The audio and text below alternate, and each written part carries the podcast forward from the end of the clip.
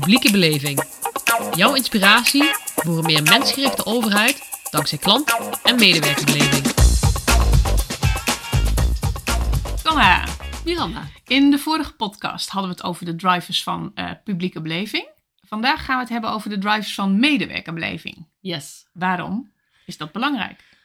Nou, omdat in mijn wereld zit er een prachtig eh, huwelijk tussen klantbeleving en medewerkerbeleving. En op meerdere fronten. Enerzijds zie je dat heel vaak ehm, nee, als organisaties hun medewerkerbeleving willen verbeteren, dan loop je het risico dat een best lang cultuur, traject, HR eh, dingetje kan worden. En ehm, wat, ik, wat ik vaak zie is dat als je met CX begint, Mhm. Ehm, dan is dat een heel, sorry, met klantbeleving begint. Dat is een heel natuurlijk moment eigenlijk waarbij je ook aan medewerkerbeleving gaat werken. Want bijna altijd is de nummer één knop, hè, we hebben net over die drivers gehad, de nummer één driver voor klanten, is bijna altijd gelinkt aan de zingeving van die medewerker. Hè, dus waarom die ooit gekozen heeft voor bedrijf X, Y of Ja. Z. Dus dat is één, ehm, één reden waarom het belangrijk is. Maar het andere is, net als bij klantbeleving, wil je ook het wollige, vage ding medewerkerbeleving. Ja, je wil de taal van de organisatie spreken. Ja. En die organisatie heeft gewoon, helaas, bijna altijd harde stuurinformatie nodig.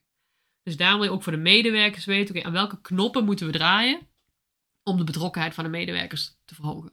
Mooi. Eh, misschien goed om dan even te starten met wat de grootste uitdagingen zijn als je dit wil gaan uitrollen. Ja, dus waar wij eigenlijk tegenaan lopen zijn een aantal dingen. Nou, het eerste wat ik net al zei, ja, er is een hele natuurlijke link tussen klantbeleving en medewerkerbeleving. Wat eigenlijk een heel fijn startpunt is. Ehm, bij best veel bedrijven zijn er nog twee gescheiden werelden. In, in, enerzijds best logisch, want klantbeleving zit vaak aan de nou, klantinteractie, klantcontactkant. Eh, en bij commercieel aan de marketingkant. Of tegenwoordig heb je ook gewoon six teams in veel organisaties. Ja, medewerkerbeleving zit er heel vaak aan de HR-kant. Ja. En die twee werelden die praten eigenlijk best weinig met elkaar. Dus dat is de eerste uitdaging. En de tweede is ook gelinkt aan HR. Je ziet dat bij de meeste organisaties HR nog behoorlijk transactioneel of functioneel wordt ingevuld. We moeten contracten regelen, eh, moeten misschien een opleidingsplan regelen, moeten iets met de beloning regelen. En die zijn nog veel minder of het is veel lastiger om ze te mobiliseren om echt naar transformatie te gaan kijken.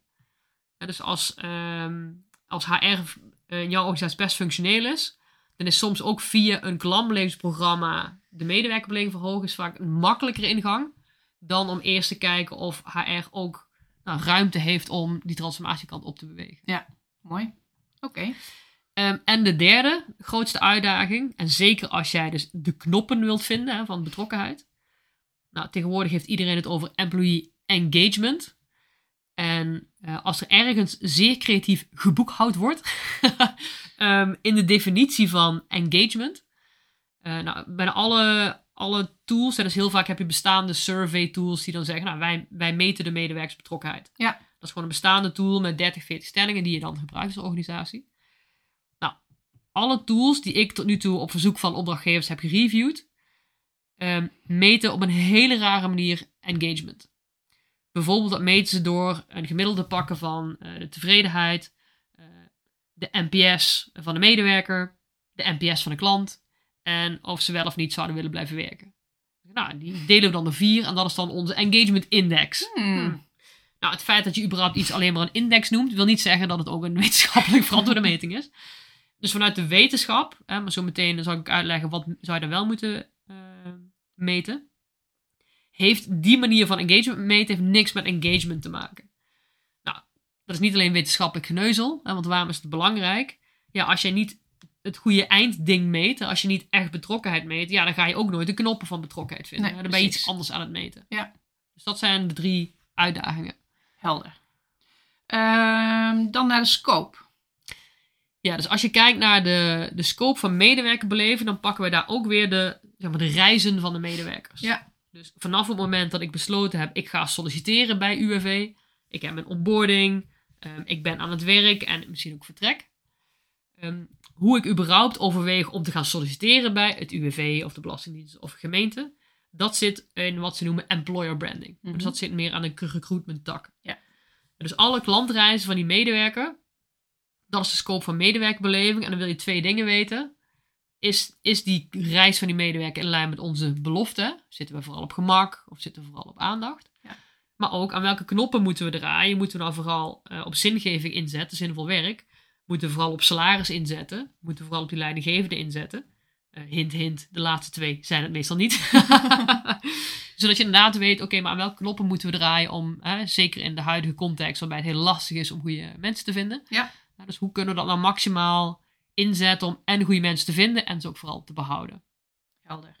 En ehm, eh, bij grote bedrijven kunnen we natuurlijk eh, elke stap apart gaan nemen. Hè? Dus mijn sollicitatiereis, uh, mijn ik ben aan het werkreis en misschien ook wel ik stop reis. maar het gaat natuurlijk wel om aantallen. Dus bij de kleinere bedrijven pakken we echt de ik ben aan het werk reis. Klopt. Ja, dus even weer voor de beeldvorming. Hè. Als je de, de drivers van de klantbeleving hebt geluisterd, dan zie je dat wij eigenlijk zeggen, je moet 100 ingevulde vragenlijsten terug hebben. Ja. Nou, als je dat doet voor de, de sollicitatiereis, want de respons ligt altijd best hoog bij medewerkers. Dus laten we zeggen dat die misschien wel op uh, 50% of meer zit. Ja. Stel dat jij uh, 20 medewerkers per maand nieuw hebt. En er reageren dus 10. Dan ben je nog steeds 10 maanden bezig voordat je genoeg aantallen hebt. Ja. En dus dat is even qua orde van grootte. Wanneer is het zinvol om per stap te meten? En wanneer is het zinvol om gewoon te kijken, hé, hey, maar voor alle medewerkers die voor ons werken, wat zijn daar de knoppen waar we aan, uh, aan moeten draaien? Ja, precies. Oké. Um, dan gaan we dus weer een workshop doen. Ja, Net we gaan, met de klanten. Uh, klopt. Hij is wel iets anders, dus we gaan inderdaad wel de, de medewerkerreis uh, mappen in beeld brengen. Maar natuurlijk het voordeel van de medewerkerreis is dat die veel generieker is over organisaties heen dan de klantreis. Ja. Nou, dus ieder bedrijf heeft iets met ik solliciteer, ik word geonboard, um, ik ben aan het werk en ik vertrek. Ja. Dus dat is een voordeel. Dus wat we ook doen als wij die medewerkerreis workshop doen, dan gaan wij niet per stap een workshop doen, maar dan gaan we die vier stappen gaan we in één keer in beeld brengen. -hmm. En uh, hoe we dat dan verder doen, hè, dus de manier weer met domme vragen stellen, dat is vergelijkbaar. Um, alleen gaan we de workshop wel in twee splitsen. Want op een gegeven moment, vooral in de aan het werk reis, ja, dat is niet echt een reis. Het zijn meer thema's. Ja. Ik heb ergens heb ik misschien een ontwikkelgesprek, ik krijg training, iets met mijn beloning. Um, dus wat we daar doen, eigenlijk, we splitsen de, de workshop in twee delen. Dus het HR-gerelateerde deel, mm -hmm. uh, opleidingen, uh, ontwikkelpad, et cetera. En wat heel vaak, en dat zit in bijna alle uh, bestaande survey tools en medewerker uh, betrokkenheid zit dat zeker voor een deel. Maar wat er heel vaak ontbreekt is de dagelijkse reis van die medewerker. Um, word ik goed gefaciliteerd door de, de tools waar ik mee moet werken? Heb ik het idee dat ik impact maak op uh, de klant? Um, zit ik in een fijn team dat mij inspireert? Dus de, de balans is om te zoeken tussen de HR-thema's en echt mijn dagelijkse reis. -hmm. En die dagelijkse reis wel proberen generiek te maken. Want je hebt natuurlijk verschillende. Hè? Je hebt misschien een callcenter agent, hebt een account manager. Ja, dus het dagelijkse werk ziet er wel iets anders uit. Maar tot nu toe lukt het redelijk goed om dan toch generiek te kijken. Oké, maar welke dingen in de dagelijkse reis kunnen van invloed zijn op jouw uh, betrokkenheid? Ja, precies. Uh, en wat een voordeel is, ook voor de, voor de medewerkers, op basis van mijn proefschrift. Um, uh, een van de dingen die ik moest doen voor mijn proefschrift was kijken welke mogelijke drivers zijn er allemaal in de hele wetenschap tot nu toe. Mm -hmm. uh, dus op basis daarvan hadden we uiteindelijk een set met 80 stellingen. dat is zelfs voor ons misschien een beetje veel. maar die hebben we dus een aantal keer ook uitgezet. En op basis van onderzoek wat we tot nu toe gedaan hebben, hebben we die een beetje kunnen inkorten. Dus we hebben al een basisset aan wetenschappelijk ook bestaande meetschalen die mm -hmm. je kunt gebruiken. En daar maak je dan maatwerk op basis van specifieke HR-context van jouw organisatie en de specifieke dagelijkse journeys van jouw organisatie. Ja, precies. Dus een deel van de vragenlijst uh, ligt eigenlijk al klaar en dat andere deel ga ik uh, aanvullen met mijn uh, specifieke context. Yes. Oké, okay. helder. Um, er zijn natuurlijk ook al heel veel vragenlijsten en tools. Je, je, noemde ze net ook al even en dat die niet altijd weergeven wat ze, wat ze pretenderen. Ja. wat zijn de problemen die je daar tegenkomt? Nou, het eerste wat ik net zei, het, het, grootste probleem is als jij drivers überhaupt wilt vinden, dan moet je wel een goede definitie hebben van betrokkenheid. Ja. Dus als die definitie al niet, knop, uh, niet knopt van die knop, ja, dan wordt het heel lastig om de drivers te vinden. Um, nou, het goede nieuws is dat er dus in de wetenschap gewoon bestaande meetschalen zijn die betrokkenheid meten. Um, en in de wetenschap heb je twee smaken, je hebt twee soorten betrokkenheid. Mm -hmm. Je hebt de betrokkenheid bij het werk en je hebt betrokkenheid bij de organisatie. Ja. Je hebt vier stellingen uiteindelijk teruggebracht die, eh, die mijn betrokkenheid bij mijn werk meten. En bijvoorbeeld, het is niet de letterlijke zin, maar ik komt in de buurt. Hè, ongeveer, ik spring uit mijn bed om naar mijn werk te gaan. Dus die zijn ook al veel emotioneler dan eh, veel andere organisaties meten. En mijn betrokkenheid bij de organisatie zijn eh, stellingen als ik voel me thuis bij organisatie X. Ja. Ehm, en dus allebei voel je al meteen, hè, dat is meer inderdaad emotioneel dan de functionele definitie of een, NPS zou ik mijn werkgever aanbevelen. Ja, helder. Dus als ik de knoppen van betrokkenheid wil vinden, is het belangrijk dat die twee, twee onderdelen, organisatie en werk, eh, in mijn vragenlijst zitten. Precies. Ja. En inderdaad, hè, dus die kun je gewoon eh, met toestemming jatten van ons. Want die hebben wij niet bedacht, dat is gewoon de wetenschap hè, die het Ja. al eh, gevalideerd heeft. Ehm, dus dat is één, één groot probleem. Hè, die definitie van engagement in die tools. Het tweede probleem is dat best veel van die tools, die hebben het ook over drivers en Mhm. impact. Maar, eh, er zijn twee dingen die vaak misgaan bij ehm, de techniek erachter. Eh, het ene is dat het, als ze al iets doen met, eh, met de relatie, is het vaak correlatie. Ja. En correlatie is echt niet hetzelfde als oorzaak en gevolg. Beetje hetzelfde als wat we eh, hebben besproken in de eh, drivers van publieke belevingen. Dus Precies. mocht je daar ook meer eh, de diepte in willen, kun je die podcast ook nog even teruglezen. Ja. Luisteren. Exact. En dat is zeg maar één kant van het verhaal. Hè. Dus ik zou mijn advies zou zeker zijn, vraag goed door, oké, maar hoe bepalen jullie de impact? Ja. En het tweede is, wat je ook vaak ziet, je ziet dus dat hun drivers of impact vaak op basis van twee elementen wordt. Ik moet even inspringen, Ja. want Zanna zegt dan drivers en dan doet ze dat even tussen haakjes met haar vingers. Maar dat zien jullie niet. ja, want ik vind daar iets van. Dat, Ja. dat zijn mijn vingers in de lucht. ja, het heet, het heet de drivers, maar eigenlijk ehm laten ze niet zien wat je wil. Nee, precies. Het zijn niet echt. Ze leveren. Je denkt dat je knop hebt gevonden, maar het zijn niet echte knoppen. Precies. Eh, want wat zij doen is vaak dat ze de, de impact bepalen aan de hand van twee elementen. Dat ene was wat ik net zei, misschien iets met correlatie. Mhm. Dat is dan bijvoorbeeld 50% van de impact. Maar het andere deel, heel vaak zit er ook een benchmark in. Dus een benchmark of binnen de organisatie of met de industrie. Mhm. En wat ze dan heel vaak doen is, stel, eh, heb ik een voorbeeld. Stel, de hele industrie doet het niet zo goed op eh, gemak. Mhm. Als ik dan als organisatie het net iets beter doe, dan wordt het geen prioriteit, want ik doe iets beter dan de benchmark. Ja. Terwijl misschien is gemak wel de allerbelangrijkste knop voor al jouw burgers. En dan gaat de hele sector gaat nooit beter worden en jij gaat nooit het verschil maken, want je doet het net beter, dus we hoeven niks te verbeteren. Ja.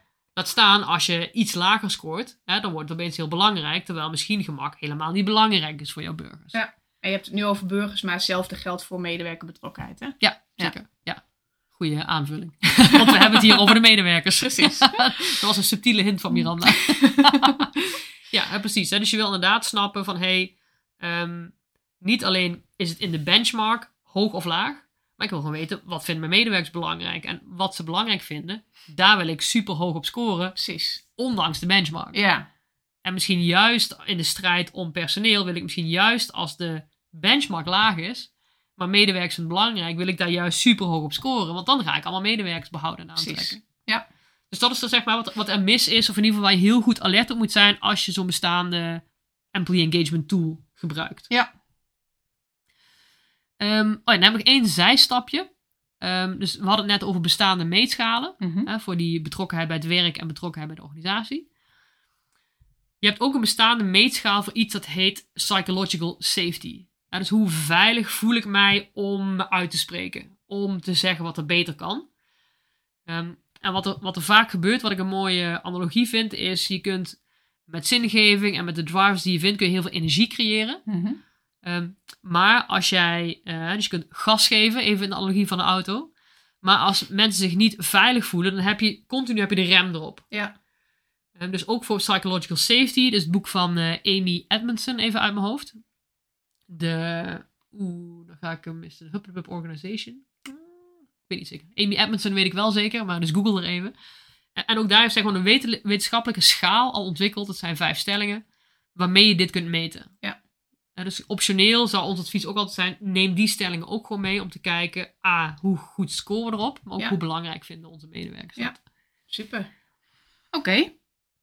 Ehm, dit heb je natuurlijk al vaker gedaan bij heel veel verschillende bedrijven. Wat zijn je bevindingen tot nu toe?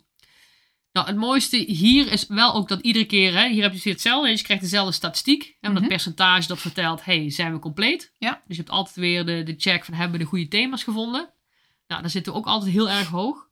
En wat ik zelf het mooie vind, is dat eh, in zeg maar, de traditionele, hè, dus in die bestaande survey tools, gaat het heel vaak om, eh, om salaris, beloning, om leiderschap met manager. Eh, maar wat wij eigenlijk altijd zien, is dat dat nooit de nummer één knop is. Salaris doet vaak überhaupt niks, heeft zelfs geen impact. Hè, dus meer hygiëne. Tuurlijk moet salaris kloppen. Ja, Maar salaris wordt pas een ding als al andere niet belangrijk, of als, alles, als al het andere misgaat. ja precies. Dan wordt salaris opeens belangrijk. Dus heel vaak wat zien we dan wel wat een belangrijke knop is. Heel vaak, ehm, ik heb het idee dat ik zinvol werk doe. Ja, dat ik impact maak ook op klanten. Dat zijn letterlijk stellingen die we ook eh, toevoegen. En die blijken ook heel vaak de nummer één te zijn.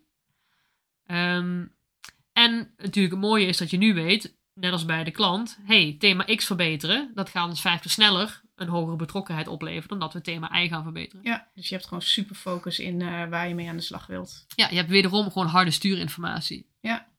Heel interessant. Eh, ik heb dit hele traject zelf doorlopen en nu? Ik heb de informatie. Precies, en nu. Dus bij de klantkant was de en nu is, oké, dan gaan we ehm, experimentjes bedenken, misschien met Tiny Habits. En we gaan gewoon meteen implementeren en kijken of dat omhoog gaat. Ja. Eh, bij de medewerkers kan dat ook. Bij de medewerkers heb je eigenlijk drie smaken. Mhm. Ehm, als we inderdaad, als je al met de klantbeleving bezig bent en je bent die belangrijkste knoppen van klanten aan het vertalen in Tiny Habits voor medewerkers, Mhm. ja, dan werk je al heel erg op zingeving. Ja. En dat is een hele, vind ik altijd een hele mooie knop tussen CX en EX. Ja. Ehm, dus dat is optie 1.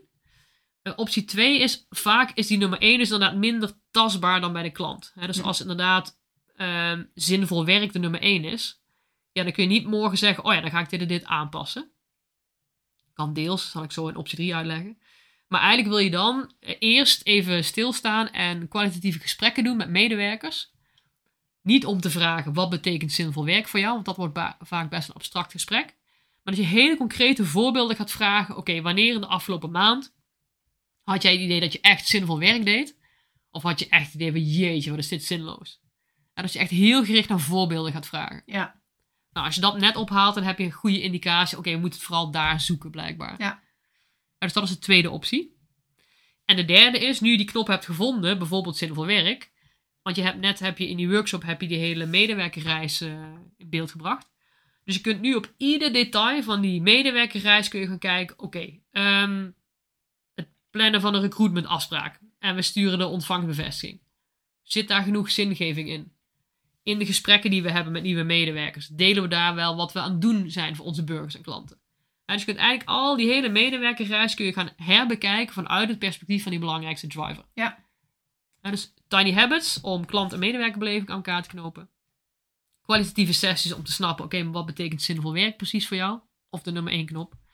En hey, die hele medewerkerreis even checken. Oké, als dit de nummer één is, wat moeten we dan aanpassen in die medewerkerreis om continu met die nummer één bezig te zijn? mooi. Strak verhaal, toch? Dat dacht ik. heb jij daar nog iets aan toe te voegen? nee, volgens mij hebben we het aardig eh, afgedekt, zo zou ik zeggen. Ja, dat denk ik ook. Nou, top. Dan eh dankjewel Jij ook? en tot de volgende. Tot de volgende.